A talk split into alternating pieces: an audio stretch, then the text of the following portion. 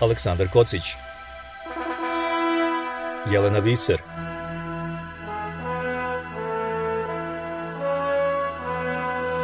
Radio Karantin. Hronika istorije u nastajanju. Dobrodošli u drugi deo radio karantina posvećenog zdravstvenim sistemima.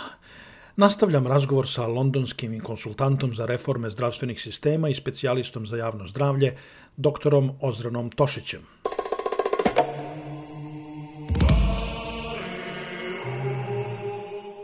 Ja sam živio u Španiji i u vreme najveće uh, ekonomske krize nakon onog subprime kraha u Americi bio je veliki otpor pre svega u Madridu gde sam ja živeo, sve većem, zbog mera štednje, sve većem ulasku pri, privatnog sektora u državno zdravstvo.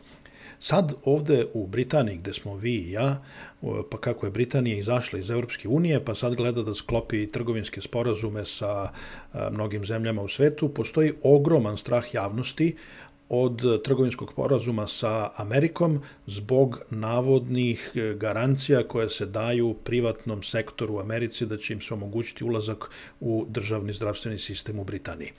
Zašto se ljudi toliko plaše privatizacije zdravstva? Odnosno ulaska privatnog sektora u zdravstvo?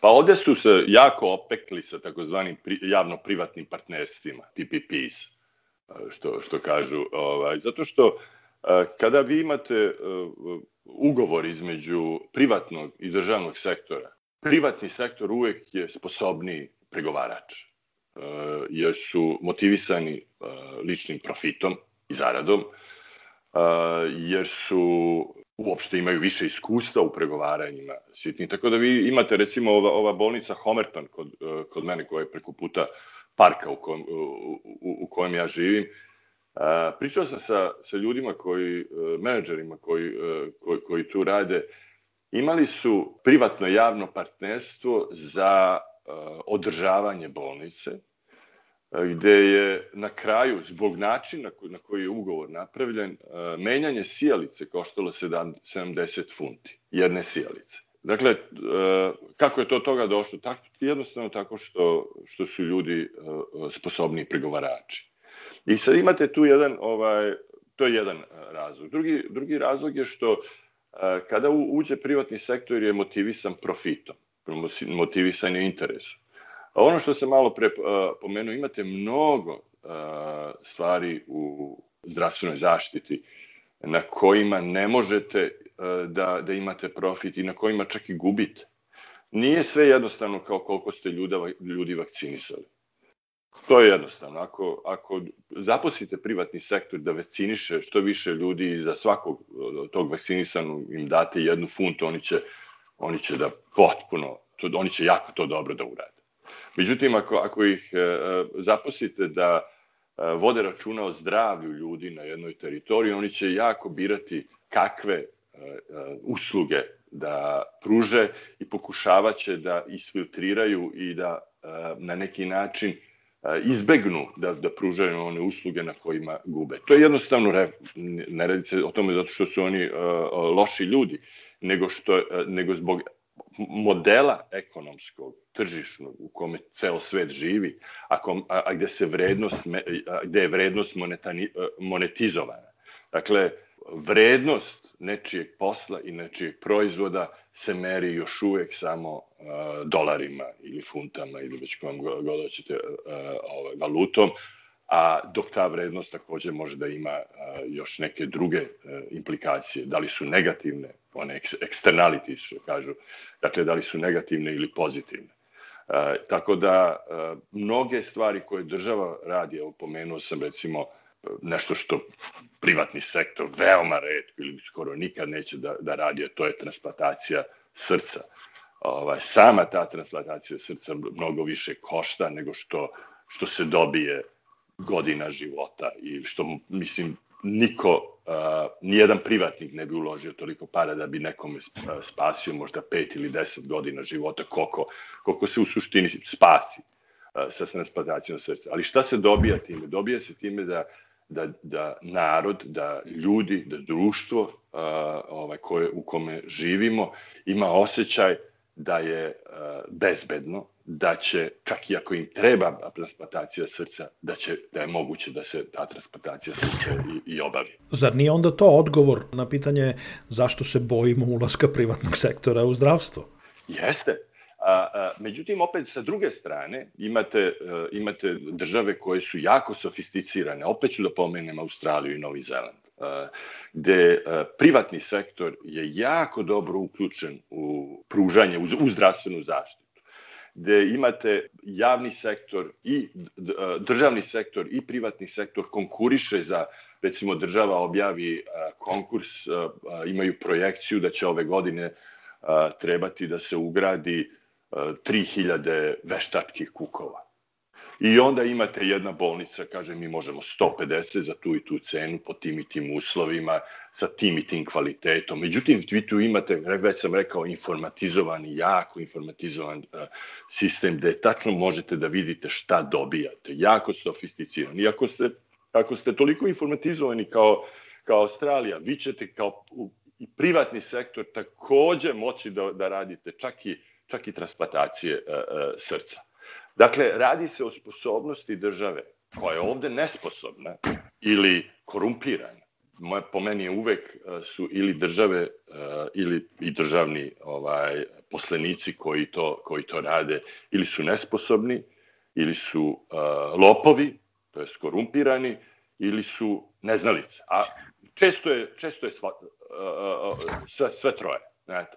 E, I sad ako imate kombinaciju uh, nekog gde, gde dolazi privatni sektor koji je jako sofisticiran i u ugovaranju i znaju šta hoće i državu koja je nesposobna da, da, da ispregovara ili je korumpirana ili ne znaju ne, ili, i, i, ili pokušavaju nešto da, da urade da bi, da bi dobili neke glasovi ili, ili lobiranja od, od nekih lobista, onda imate veliki problem i ljudi su sa pravom uplašeni. Koji su primeri, e, koje su oblasti u zdravstvu gde saradnja sa privatnim sektorom uspešno funkcioniše? Pa evo, pomenuo sam jednu, e, to je recimo e, te neke elektivne procedure, dakle, to su procedure koje nisu akutne, koje, koje možete da zakažete. Dakle, da li je to operacija kuka ili kolena, na primjer. Dakle, to ne morate danas da obavite da biste spasili nekoga. To možete da obavite i za mesec dana, da, da napravite listu čekanja. Dakle, sve, sve otprilike stvari na, u kojima je lista čekanja opravdana i ne zahtjeva mnogo velikog odricanja od strane uh, ljudi, od strane pacijenata, je, su, su neke stvari, ugrubo rečeno, uh, su, su neke usluge u kojima privatni sektor bi mogao da se, uh, da se uključi, jer to je više manje nije, nije ovaj, neka raketna tehnologija u smislu uh, utvrđivanja šta je kvalitetna usluga i šta nije. Može da se odredi i koji tip proteza, koji kvalitet proteza, šta su procedure, šta u, šta u slučaju da se ovo desi u pacijentu, šta u slučaju da se nešto drugo desi pacijentu. Tako da, međutim, ako, ako imate e, neke e, malo nejasnije, e, više, više principijelne dogovore, tipa da privatni sektor pokriva kao što se sada ovde u Velikoj Britaniji dešava, gde, gde oni kupuju ove prakse ovih lekara opšte prakse. A lekari opšte prakse se u stvari brinu o zdravlju populacije na, na teritoriji koju, na kojoj se nalaze. To je veliki problem, jer, jer vi ćete obavezno da imate, da, da imate te, te firme za pro, koje su tu zbog profita njihovog ovaj, i oni će isfiltrirat se na kraju neke usluge u kojima će oni ljudi koji imaju para da profitiraju, a ona, ono stanovništvo koje je siromašnije će sigurno da lo, lošije da prođe. Evo, to je dobar primjer, samo da pojasnimo slušalcima koji nisu u Britaniji. Lekari opšte prakse su ovde privatnici u Velikoj Britaniji, ali mi kao pacijenti usluge ne plaćamo, odnosno plaćamo i kroz svoje e, državno zdravstveno osiguranje, tako da oni direktno ispostave račun državi, država onda to plati i to je to. Plus, moram malo se hvalim, za razliku od vas u Engleskoj, nama u Škotskoj su i lekovi a, apsolutno besplatni, mi nemamo ni onu participaciju, kako se to kaže, vi u Engleskoj imate. Da li je to, na primer, e, dobar vid saradnje privatnog i državnog zdravstva. Jeste, to je, to, opet morate da, da, da, da uzmete u obzir uh, kontekst u, u, u kome se uh, to sve dešava. Lekari, uh, privatni uh, lekari opšte prakse nisu tu pali uh, tek tako iz, uh, sa neba pa se odlučio dobro, sad ćemo dati, dati lekarima opšte prakse da rade privatno. To je dugačka tradicija. Ja, baš ovaj moj uh, tast je bio ovaj lekar i njegov otac je bio lekar u Škotskoj i ovaj oni su ja sećam da pričala mi je moja supruga o uh, i on da za vreme rata on je tretirao stanovništvo besplatno. Bila je čast biti uh, lekar, kao što je, i to je, to je jedna od uh, tri najvažnije ovaj, ove funkcije bilo u društvu, dakle sveštenik, lekar učitelj. Da. A, tako da, da, da tu moramo da uzmemo u obzir a, taj društveni aspekt, istorijski aspekt a, lekara opšte prakse. I na taj istorijski aspekt nadogradio se, nadogradilo se finansiranje a, posle drugog svetskog rata kada je Beveridge uveo National Health Service ili javni zdravstveni sistem. Dakle, do tada je bilo više manje privatno, malo, malo je i država plaćala, a onda je sve počela država da plaća. Dakle, na tu jednu istorijsku potku a, ovaj, došlo je do, do privatnog a, lekara opšte prakse. Međutim, ako vi, vi imate sada a, jednu a, američku kompaniju koja kupuje tu praksu a, privatnog lekara opšte prakse i onda nanosi na, a, a, na tu praksu neke uslove, neke, neke indikatore profita, prisilit će ih i ušančit će ih u jedan način poslovanja. Ja ne kažem da je da lekari opšte prakse u Velikoj Britaniji rade fantastičan posao. Tu se razlikuje od prakse do prakse, ali sve skupa to je jedan jako dobar sistem koji, koji radi i na kome se radi. I ja bih rekao da je britanski eh, National Health Service uh, i engleski, i škotski, i velški, i, i, i, i severnoirski uh, jedna laboratorija inicijativa i, i, i zdravstvenih reformi na koju čitav svet gleda. Jer ovde šta se, uh, šta se proba, ovde se to proba sa uh, jednim, znate kakvi su Englezi, ako čak i ako se ne slažu sa nečim, ali ako se tako odluči, oni će to da, da sprovode. Dakle, ako se, ako se napravi jedna intervencija u sistemu, ta intervencija će da se sprovodi i onda ćemo da vidimo i rezultate. I zato je Velika Britanija jako važan poligon za oprobavanje različitih inicijativa u zdravstvenim sistemima i, i zaista ceo svet gleda u velikom. A kad pogledamo zemlje na Balkanu, zemlje bivše Jugoslavije sa e, eventualnim izuzetkom Slovenije, e, vidimo da, naravno, to su siromašnije zemlje, gde je zdravstvo u lošijem položaju, postoji veliki materijalni problemi, postoji odliv lekara. Da li je onda za te zemlje, poput Srbije, Crne Gore i tako dalje, e, da li je za njih rešenje u većoj saradnji sa privatnim sektorom? Pa, uopšte, evo, evo ja radim, uh, ja koordiniram projekte u, uh, u, u zemljama tranzicije za uh, Evropsku banku za rekonstrukciju i razvoj. Radim sa privatnim sektorom u Kazahstanu, u Tadžikistanu, u Belorusiji, u Ukrajini, u svim zemljama uh, i na severu Afrike. Dakle, u svim, svim zemljama koje prelaze sa jedno, jednog e, pla, planskog tržišnog sistema na, na, na plansku, planske ekonomije na tržišni sistem.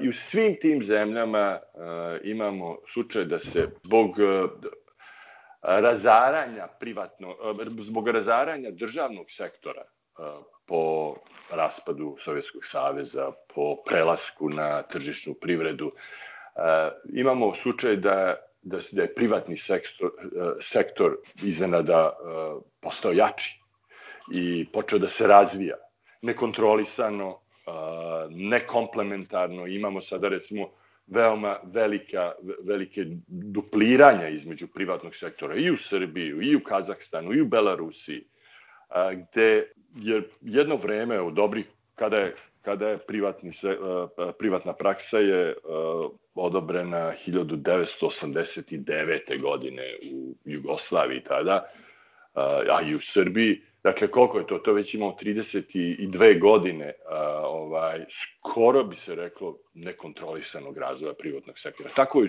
tako je u svim zemljama.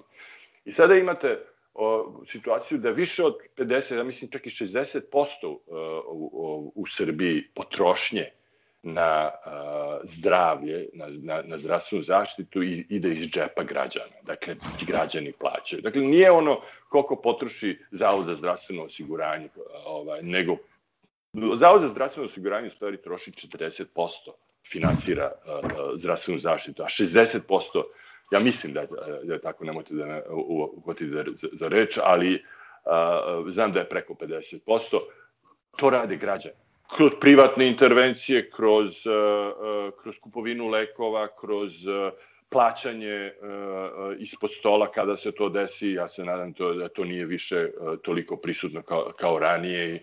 Dakle, sve skupa kada se, kada se uzme, građani plać, plaćaju više od 50%. I onda sada imate u svim tim zemljama situaciju, čekajte, ne, ne možete da ignorišete sada privatni sistem koji je zaista doprineo dosta u pristupačnosti toga zdravstvene zaštite. Međutim, opet, vi imate, kome, kome je povećana pristupačnost? Onima koji imaju para, dakle, onima koji, koji su dovoljno ekonomski jaki da mogu da podnesu da odu i da plate, ne znam, 100 ili 150 evra za pregled i, i, i neki tretman u, u, u privatnoj uh, zdravstvenoj ustanovi. Sad, imate uh, opet ono pitanje informacija. Da li je to što je operacija uh, slepog creva u državnom sektoru 8400 dinara, to sam čuo pre neki dan da je, da, da je toliko, ovaj, da li je to realna cena u državnom sektoru? 8400 dinara, vi imate lekara, hirurga, vi imate instrumentarku, vi imate medicinsku sestru, vi imate uh, operacionu salu, struju, vodu, sve skupa. I to sve za 70 eura. Pa to nije moguće. Dakle, šta je? Radi se opet o, o informacijama. Mi u državnom sektoru nemamo dobre informacije da bi sarađivali na efikasan način sa, sa privatnim sektorom. A sa druge strane, moramo da da sarađujemo sa, sa, sa privatnim sektorom da bi nekako obezbedili pristupačno zdravstvene zaštite, jer bez privatnog sektora ne bi bila toliko pristupačna zdravstvena zaštita. I tu imamo sada napore države da uspostavi neko, neko bolje informacionu, kako bi rekao, ekosistem kroz digitalizaciju, kroz obuku menadžera, kroz obuku statističara i analitičara i ovo posljednje, sad što sam rekao, toga mi nemamo. Dakle, mi nemamo ljude koji rade na, na informacijama, koji će, nemamo, na primer, u nijedna bolnica nema analitičara koji će da kaže menadžeru ili direktoru bolnice, slušajte, vi ste, imali smo ovog meseca toliko ne znam, 150 dekubitusa koji, koji su naša greška. Imali smo imali smo hiljadu urinarnih infekcija koje nisu trebale da se dese, a desile su se. To svugde ima, ali mi ne znamo koliko kod nas ima. Razumete? To je, ne radi se o tome da smo, ja kad god pričam lekarima i direktorima, a kaže to se kod nas ne dešava, kako se ne dešava? Dešava se svugde, dešava se u najboljim zdravstvenim sistemima. Jedina razlika je to u tome da, da mi ne znamo koliko se ne dešava. Onda mi kažu, pa ne, pa mi znamo sve što se dešava. Pa kako onda možete da kažete da vam se takve stvari ne dešavaju? Sigurno ne znate.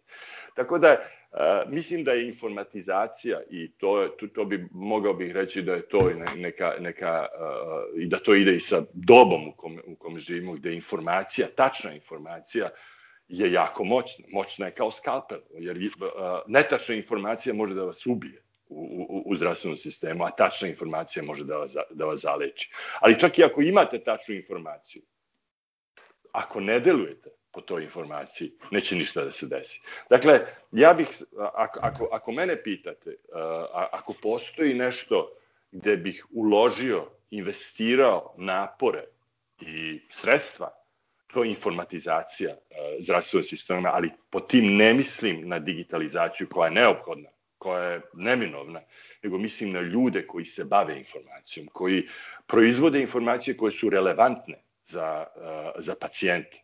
Jer uvek krećete od pacijenta, šta je potrebno pacijentu, ne šta je potrebno državi, ne šta je potrebno bolnicama ili lekarima šta je potrebno pacijentu. Pacijentu je potrebno da se dobro leči, a da bi se dobro leči, lečio mi moramo da znamo šta se sa, sa tim pacijentom ili pacijentima ili velikom količinom pacijenata dešava. Koliko imamo bolničkih komplikacija koji su nepotrebne na 100.000 prijema u bolnicu. Vi imate u Americi da je 400.000 ljudi svake godine umre zbog toga što su bili primljeni u bolnicu. 400.000 svake godine. To je utvrđeno. Dakle, ne, ne možemo mi sada da budemo nešto mnogo bolji, ako uopšte možemo da budemo bolji od, od Amerikanaca u kvalitetu zdravstvene zaštite. Jedina je stvar što mi to ne znamo i ne delujemo u, u, u, tom smislu. Dakle, idemo na neki ono, dignemo prst, ovlažimo prst, pa dignemo pa, pa vidimo odakle vetar duva. Navodno je jedan od razloga zašto je Izrael sklopio onako povoljan ugovor sa Pfizerom o vakcinaciji bio upravo to što su njihovi zdravstveni informacioni sistem odličan i oni su mogli Pfizeru da pruže jako detaljne podatke o zdravlju svojih građana koje je potrebno za praćenje efeka, efikasnosti vakcinacije. Ne znam da li je to, da, da li je to zbog toga bilo, ali, ali o, očigledno da, da dobijamo mnogo korisnih informacija iz Izraela. Ja sam siguran da bi i mi mogli, imamo kapacitet da, da, da pružimo do, dobre informacije, ali ne znam gde. Ja recimo lično sumnjam da im, imamo uh, samo 4000 i nešto uh, umrlih od, od COVID-a, jer imamo 14.000 uh, viška smrti u prošle godine, a samo 4000 od toga je od COVID-a. Što vidite da se ne slaže uopšte sa, sa ciframa koje dolaze iz drugih zemalja, gde, ta, gde, gde su te cifre viška smrti, dakle, one smrti koje su koje su u poređenju sa prošlom godine, godinom višak, dakle veći broj smrti, taj, te, dve, te dve cifre umrli covid i višak smrti su mnogo bliže ovaj, nego, nego kod nas. Tako, I to za nekoliko puta bliže, ne za 20% i ne, ne 30%. Tako da bi ja to pripisao uh, upravljanju uh, informacijama i uh, ja mislim da je to najopasnije i da je to najvažnije u našem zdravstvenom sistemu. I za kraj, šta možemo da očekujemo jednom kad ova pandemija se smiri i splasne, ne znam da li će da nestane sasvim, E, da li ćemo imati bolje zdravstvo i bolji pristup zdravstvu ili ne? Pa već sada imamo uh, različit pristup zdravstvu. Sad u Srbiji znam takođe da, da su učestalije ove virtuelne zdravstvene konsultacije, dakle kao što vi i ja sada pričamo, tako ljudi pričaju mnogo više sada sa lekarima.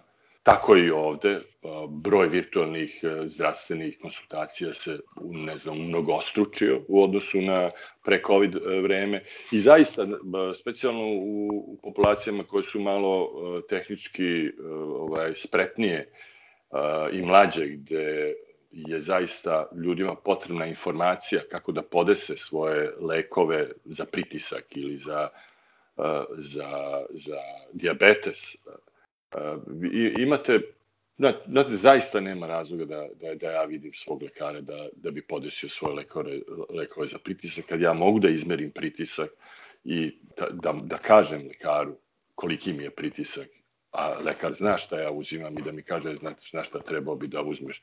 O, o, to je na, najjednostavnije, recimo, što bi moglo da se, da se primeni. Dakle, da imaćemo različit pristup E, zdravstvenoj zaštiti. E, ja se nadam da će te e, ovaj, lekcije koje smo naučili tokom covid da nam pomogne, pomognu u nekoliko ovaj, aspekata. To je jedan, dakle da budemo malo praktičniji, da one stvari koje možemo da radimo na daljinu, da ih radimo, a da one koje ne možemo, da njih radimo i da za njih imamo više vremena. Eto, to je, a, a, a druga stvar je, ja se nadam da će prevencija bolesti i promocija zdravlja e, biti mnogo više na agendi e, i države i društva u celini, a e, mislim da je biznis, privreda, ekonomija shvatila koliko je zdravlje važno za održivost naših živ, normalnih života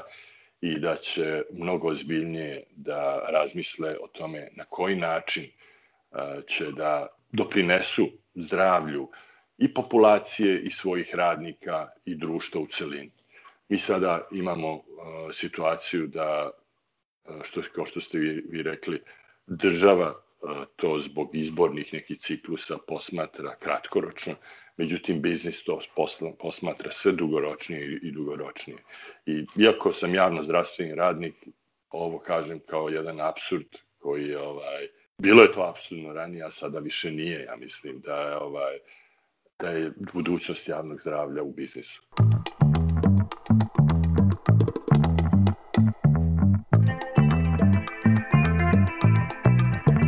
Radio karantin.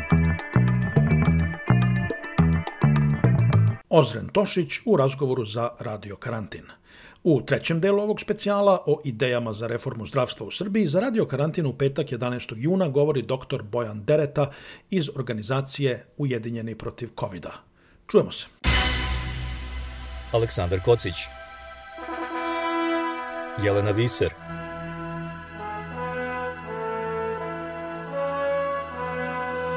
Radio karantin. Hronika istorije u nastajanju.